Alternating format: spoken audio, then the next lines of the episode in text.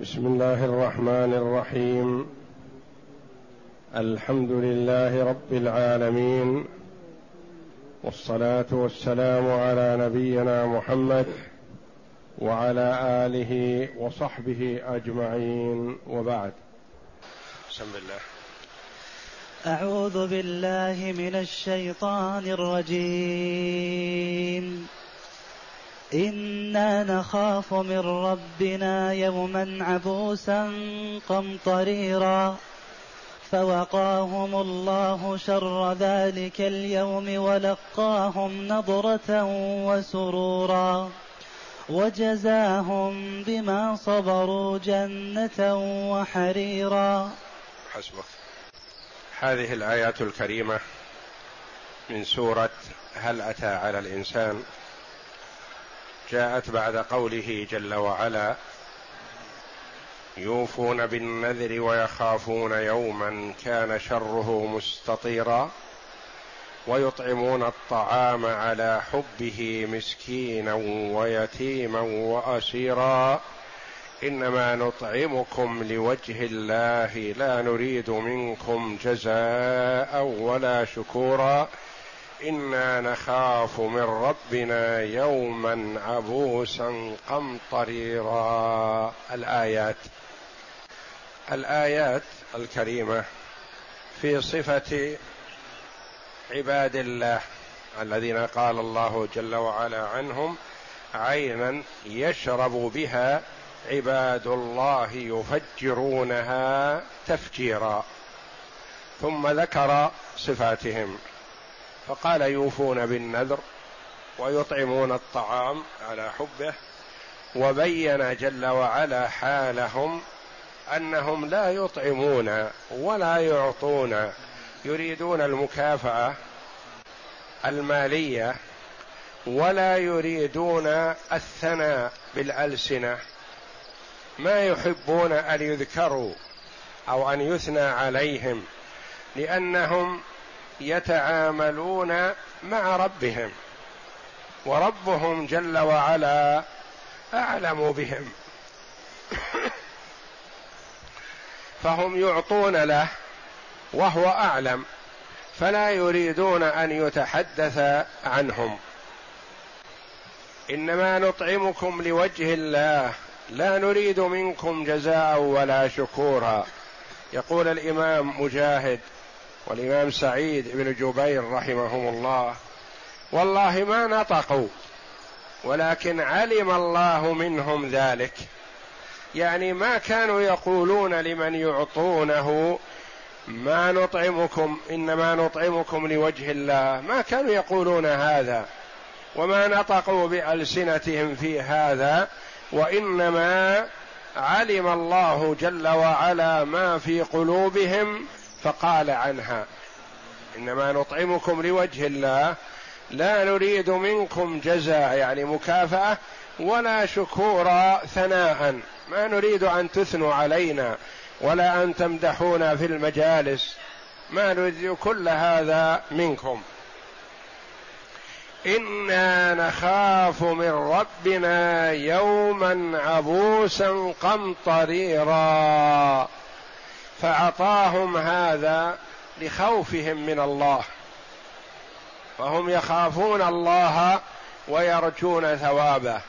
يخافون عقابه ويرجون ثوابه. وهكذا يكون المؤمن بين الخوف والرجاء. فهما عند المؤمن كجناحي الطائر. لا يغلب الخوف فيصيبه اليأس. واليأس كبيرة من كبائر الذنوب اليأس من روح الله. ولا يغلب الرجاء فيصيبه الأمن من مكر الله. والأمن من مكر الله كبيرة من كبائر الذنوب. فهما بين بين. عندهم الخوف من الله وعندهم الرجاء. يخافون من ذنوبهم ومن عقاب الله على الذنوب ويرجون رحمة الله بما قدموه من الأعمال الصالحة. إلا أن بعض العلماء رحمهم الله قال الأولى أن يكون المرء في حال الصحة يغلب جانب الخوف. من أجل ماذا؟ من أجل أن يعمل. في حال الصحة والقدرة على العمل يجن يغلب جانب الخوف حتى يجتهد في العمل ويجد فيه. وفي حال المرض قال يغلب جانب الرجاء لأنه ضعيف عن العمل. يخشى إذا غلب عليه جانب الخوف وهو مريض ما يستطيع أن يعمل يصيبه القنوط واليأس. وهذا حسن. يعني في حال الصحة يرجو رحمة الله ويخاف عقابه ويجتهد في الأعمال الصالحة. يخاف من ذنوبه. والمؤمن نظره إلى ذنبه كالجبل العظيم الذي فوق رأسه يخشى في كل لحظة أن يسقط عليه. لأنه يخاف من الذنوب ويرتجف ويخشى الله. والمنافق والفاجر والعياذ بالله. ينظر إلى الذنوب الذنب العظيم أنه مثل الذبابة. إذا وقعت عليه يقول بيده هكذا وتذهب. يعني لا يبالي بالذنوب والعياذ بالله. وكلما كان العبد بربه أعرف كان منه أخوف أشد خوف. ولهذا كلما تمكن المرء من الإيمان زاد خوفه من الله. وإذا ضعف إيمانه صار لا يبالي. إنا نخاف من ربنا يوما عبوسا اليوم العبوس. العبوس يكون مكفهر يكون مقطب الجبين. شاتر الشفتين يعني كالح الوجه وهذا كناية عن الكفار فيه والمجرمون يكونون في هذا اليوم كالح الوجوه. من ربنا يوما عبوسا قمطريرا. القمطرير قالوا المستطيل. فعن ابن عباس رضي الله عنهما قال عبوسا ضيقا قمطريرا طويلا يعني طويل الشدة لأن أيام ويوم الراحة والأنس ينقضي بسرعة ويوم البؤس والشقاء كأنه شهر في طوله. وعن أنس بن مالك رضي الله عنه عن النبي صلى الله عليه وسلم في قوله عبوسا قمطريرا قال يقبض ما بين الأبصار يعني ما بين الحاجبين يكون قابض. وعن ابن عباس رضي الله عنهما القمطرير الرجل المنقبض ما بين عينيه ووجهه. وقال مجاهد رحمه الله إن العبوس بالشفتين والقمطرير بالجبهة والحاجبين فجعلهما من صفات اليوم والمتغير في ذلك اليوم بما يراه المرء من الشدائد. قال أبو عبيدة يقال قمطرير أي منقبض ما بين العينين والحاجبين. إنا نخ... والمراد يوم القيامة يعني إنا نخاف من ربنا هذا اليوم يوم الشدة ويوم يظهر فيه كلح وشقاوة وإكفهرار الكفار والمنافقين. إنا نخاف من ربنا يوما عبوسا قمطريرا فوقاهم. الفاء هنا يعبر عنها العلماء فاء السببية. بسبب ما تقدم وقاهم الله شر ذلك اليوم. سلموا من الشر. يوم شديد لكن هم يقال لهم كلوا واشربوا هنيئا بما أسلفتم في الأيام الخالية. هم تحت ظل العرش. هم تتلقاهم الملائكة بالبشرى. تتلقاهم في ثلاثة مواطن. هي من أحلك المواطن وأشدها. كما قال الله جل وعلا إن الذين قالوا ربنا الله ثم استقاموا تتنزل عليهم الملائكة ألا تخافوا ولا تحزنوا وأبشروا بالجنة التي كنتم توعدون. قال العلماء تتلقاهم في ثلاثة مواطن عند الاحتضار عند انتقال المرء من الدنيا وأهله وذويه وإقبال على ربه وتخوفه ماذا بماذا سيفاجأ تأتيه البشرى من الله. وفي القبر حينما يكون وحيدا في قبره تأتيه البشرى. وتأتيه يفتح له باب إلى الجنة ويبشر بالمقام الحسن. وبعد البعث وعند القيام من القبور تتلقاهم الملائكة بالبشرى فوقاهم الله شر ذلك اليوم ذلك يوم عظيم يوم فيه شر على الكفار والمنافقين. وحتى على كثير من المؤمنين والمسلمين يتخوفون خوفا شديدا لا يدرون بماذا ماذا سيكون حالهم. فوقاهم الله شر ذلك اليوم دفع عنهم شره بسبب خوفهم من الله وإطعامهم لوجهه. دل هذا على أن بعض الأعمال الصالحة تكون سببا للنجاة في بعض المواقف الحرجة كما جاء في رؤيا النبي صلى الله عليه وسلم الذي رأى فيها اناسا عدة من أمته صلى الله عليه وسلم كلما حزبه أمر جاءه نوع من أنواع عمله الصالح ففرج عنه.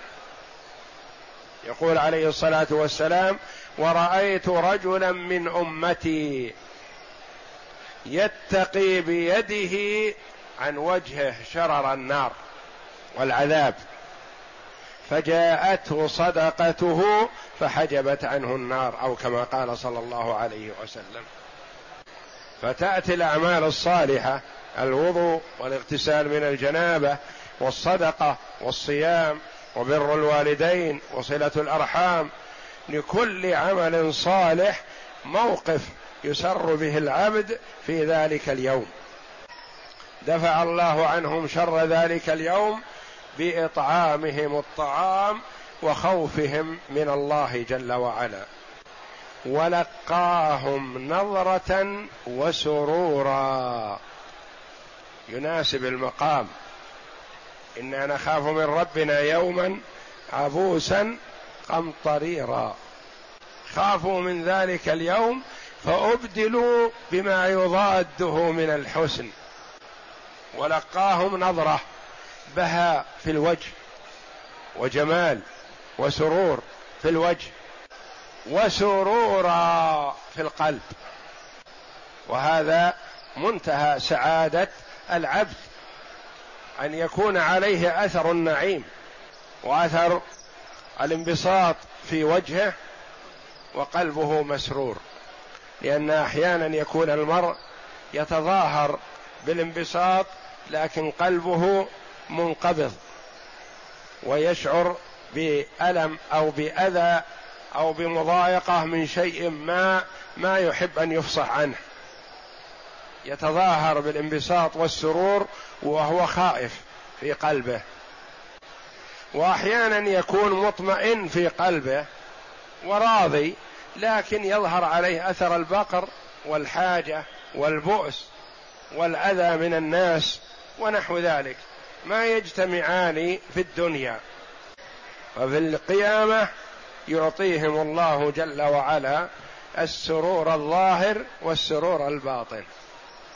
أثر النعمة في الظاهر. وكان النبي صلى الله عليه وسلم إذا سر تهلل وجهه كأنه قطعة قمر. وتقول عائشة رضي الله عنها دخل على النبي صلى الله عليه وسلم تبرق أسارير وجهه. يعني كأن فيها نور من سروره صلى الله عليه وسلم لما قال المدلجي إن هذه الأقدام بعضها من بعض لأقدام زيد وكانت بيضاء زيد بن حارثة وأقدام أسامة وكانت سوداء.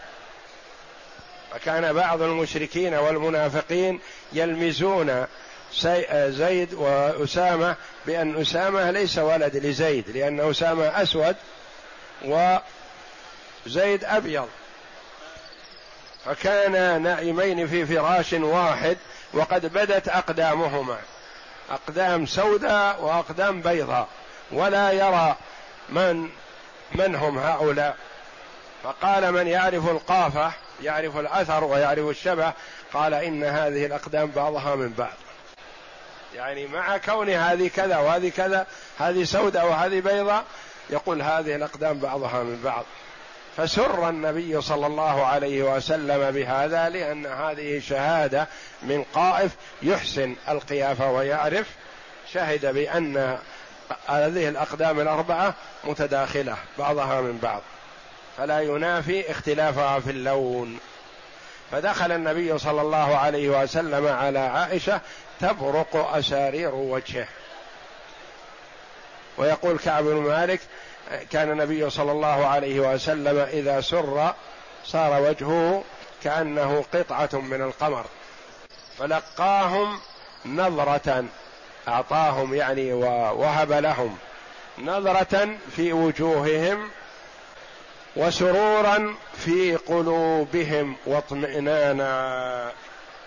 يقول تعالى إنا نخاف من ربنا يوما عبوسا قمطريرا. أي إنما نفعل هذا لعل الله أن يرحمنا ويتلقانا بلطفه في اليوم العبوس القمطرير. قال علي عن أبي طلحة عن ابن عباس عبوسا ضيقا قمطريرا طويلا. وقال عكرمة وغيره في قوله يوما عبوسا قمطريرا.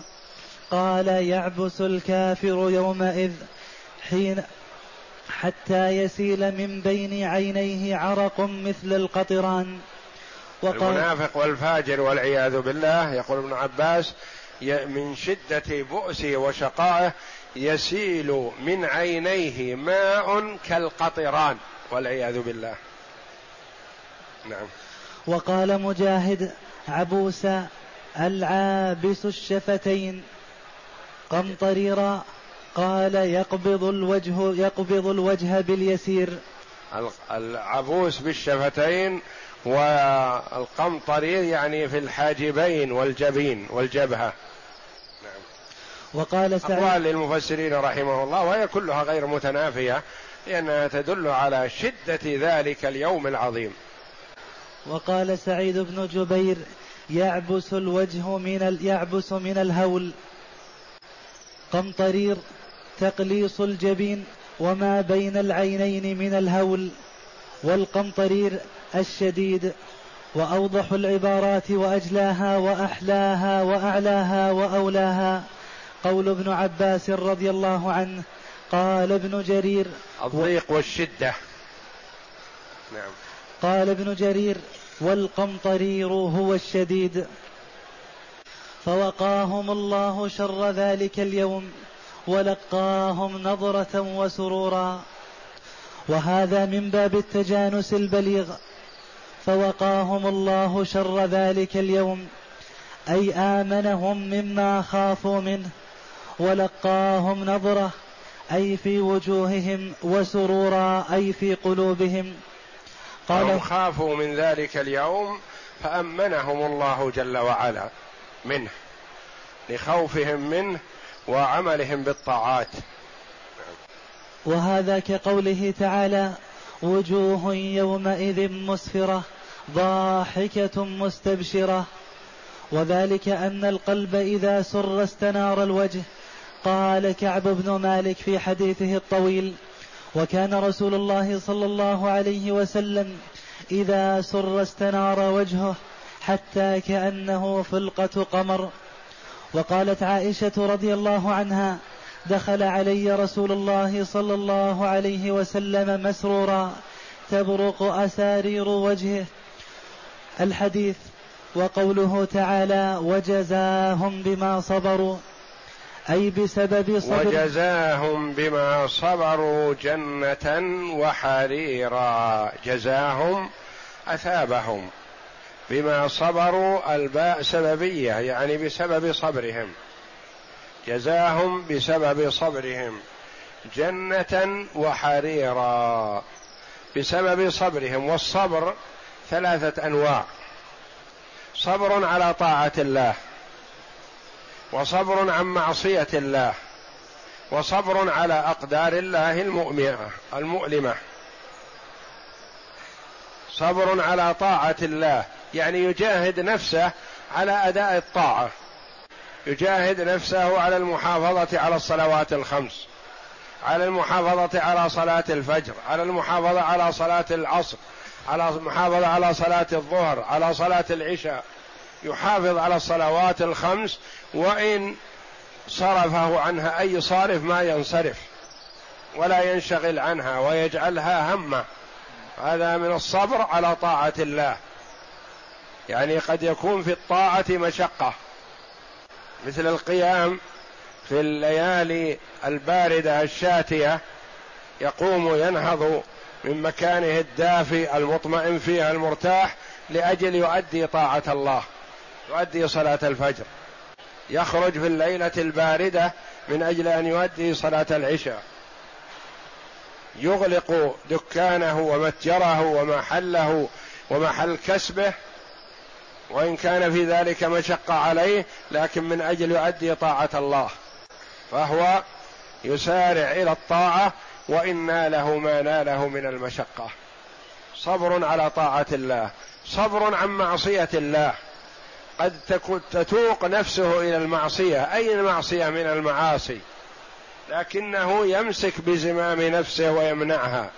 يحجب نفسه عن الوقوع في المعصية. خوفا من الله. هذا صبر عن معصية الله. صبر على أقدار الله المؤلمة. يبتلى بماله بولده بوالديه. يبتلى ببدنه. يصبر ويحتسب ولا يظهر الجزع ولا التسخط وإنما يتحمل ذلك بصبر محتسبا ثواب ذلك عند الله. صبر على أقدار الله المؤلمة. قال العلماء رحمهم الله تجتمع أنواع الصبر الثلاثة في الصيام. في صبر على طاعة الله وصبر عن معصية الله بالاكل والشرب وصبر على أقدار الله المؤلمة الجوع والعطش. ولهذا قال الله جل وعلا في ثواب الصابرين إنما يوفى الصابرون أجرهم بغير حساب. وقال تعالى في الحديث القدسي أن النبي صلى الله عليه وسلم قال كل عمل ابن آدم له الحسنة بعشر أمثالها إلى سبعمائة ضعف إلى أضعاف كثيرة. قال الله إلا الصيام فإنه لي وأنا أجزي به. الصيام لا يقدر قدره إلا الله تبارك وتعالى. وجزاهم بما صبروا جنة جنة وحريرا. قال العلماء المراد بهذه الجنة البستان البستان الذي اجتمع فيه أنواع الأطعمة والفواكه الشهية. ولهذا ذكر معها اللباس الحرير البستان الذي يؤكل منه واللباس الذي هو الحرير. قالوا ليس المراد بالجنة هنا ما يقابل النار هو داخل في الجنة لكن أعطاه في نفس الجنة جنة بساتين فيها أنواع الثمار والفواكه والأطعمة.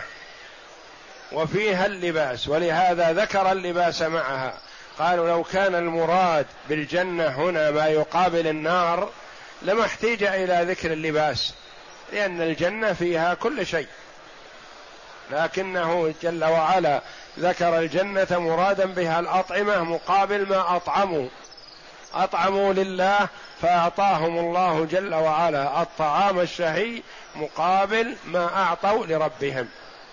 وجزاهم بما صبروا جنة بساتين فيها أنواع. الثمار وحريرا اللباس الظاهر. اللباس الظاهر. لأن الإنسان يحب أن يكون لباسه كله حسن. لكن يهتم بالظاهر أكثر من اهتمامه بالباطن. ربما لبس الداخل الداخل مقطع أو مرقع أو فيه شقوق أو نحو ذلك ما يبالي بهذا لأنه مستور. وإنما يهتم بالشيء الظاهر حتى لا يظهر أمام الناس بلباس ردي. فأعطاهم الله جل وعلا ما يشتهونه من الأطعمة والفواكه. وصنوف الملذات واللباس الحرير الذي هو أحسن أنواع اللباس ولأنهم منعوا أنفسهم من الحرير في الدنيا ومنعوا أنفسهم من المحرمات في الدنيا فحباهم الله إياها في الدار الآخرة يتلذذون بها. والنبي صلى الله عليه وسلم أخذ قطعة من حرير وقطعة من ذهب وقال هذان حرام على ذكور أمتي حل لإناثها أو كما قال صلى الله عليه وسلم. ومن لبس الحرير في الدنيا لم يلبسه في الآخرة يحرم منه.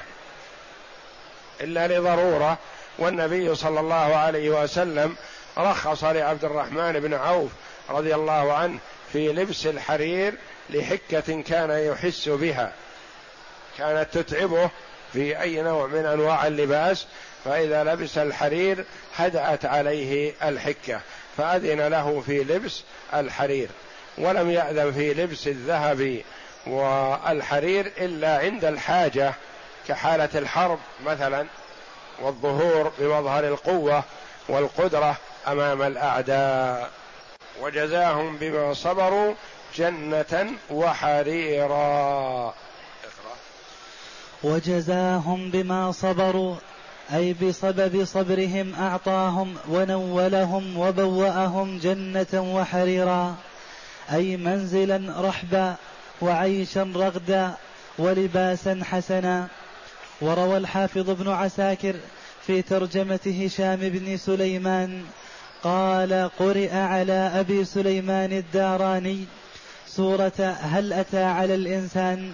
فلما بلغ القارئ إلى قوله تعالى وجزاهم بما صبروا جنة وحريرا قال بما صبروا على ترك الشهوات في الدنيا.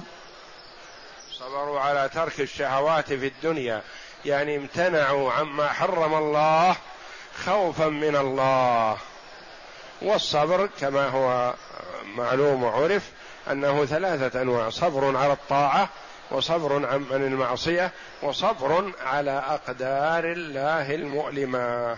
والله أعلم. وصلى الله وسلم وبارك على عبده ورسول نبينا محمد وعلى آله وصحبه أجمعين.